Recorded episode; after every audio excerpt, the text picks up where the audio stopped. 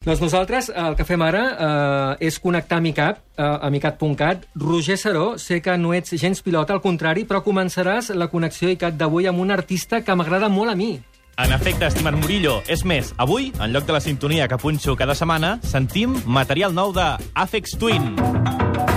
Just ahir s'ha publicat el nou EP d'Afex Twin. Es titula Computer Controlled Acoustic Instruments EP PT2. I com es diuen les cançons? És igual perquè són totes impronunciables. Visca! S'ha publicat en vinil de 12 polzades, en CD Digipack i també el teniu disponible a botigues digitals com iTunes. Ara ens posem introspectius. Cinema. Heu d'anar al cine a veure Jauja, pel·lícula molt especial, experimental, Sensorial. situada al segle XIX al desert de la Patagònia. Un desert que és com un personatge més que ens embolcalla en una sensació onírica. N'hem parlat amb el seu protagonista, l'actor Viggo Mortensen, que encarna un oficial que ha perdut la seva filla al desert i sembla que també cau en aquesta mena de somni. Sí, puede ser, pero también, ¿por qué no puede ser totalmente la realidad? O sea, cada uno tiene su idea de lo que son los colores, su percepción del tiempo que pasa. Todos hemos tenido la experiencia de, bueno, te vas al campo si vives en ciudad y de repente todo se ralentiza y la- las experiencias del déjà vu y todas esas cosas. Pero sí, yo estoy de acuerdo que esta película es como un sueño, una serie de sueños, de sueños anclados en una desesperada búsqueda por explicaciones. ¿no? Es una película para mí muy humana. El personaje mío siempre está buscándole la,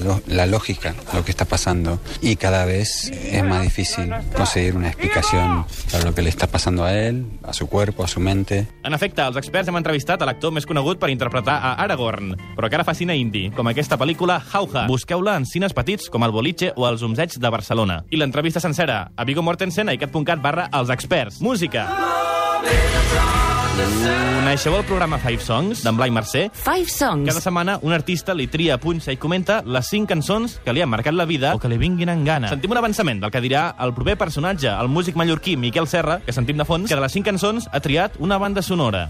una molt recent, la més recent i la que més m'ha agradat, uh, la banda sonora d'Interestel·lar. Aquesta pel·lícula m'ha fascinat. Funciona de fascinació per fascinació i necessita aquests, aquests estímuls. M'agrada molt la ciència-ficció, m'agrada molt com la conta aquest home, m'és igual si té elements de Hollywood, si té elements yanquis, m'és igual, jo li consent. Per aquell espectacle jo consent que ell hagi de fer apologia d'americanisme. M'és igual. Ja és que l'espectacle visual i l'espectacle eh, sonor és magnífic. I la banda sonora feta en Hans Zimmer va quedar molt soltat. És que és, que sublim, és una meravella.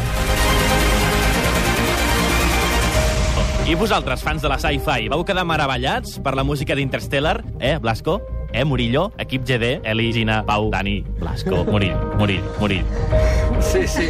A mi m'encanta. Jo sempre que vaig al cinema em, po em poso, miro els altaveus i em poso al mig. Eh? Jo sempre em poso al mig, no, no mai em... em Ets el Sheldon Cooper del, Absolutament, del cinema. absolutament. L'has vist a Interstellar? Va Sí, agradar? em va agradar. A Sí, mi em va agradar i és que tot el tema aquest, que, que al final és, és física i, Sí. i és espai i... Val, que sí, que ciència-ficció, però que té una base de realitat, a mi aquestes coses m'apassionen. Doncs ara en continuarem parlant nosaltres eh, quan hi hagi la publicitat, però tornarem després amb totes les vostres propostes. Fins ara mateix.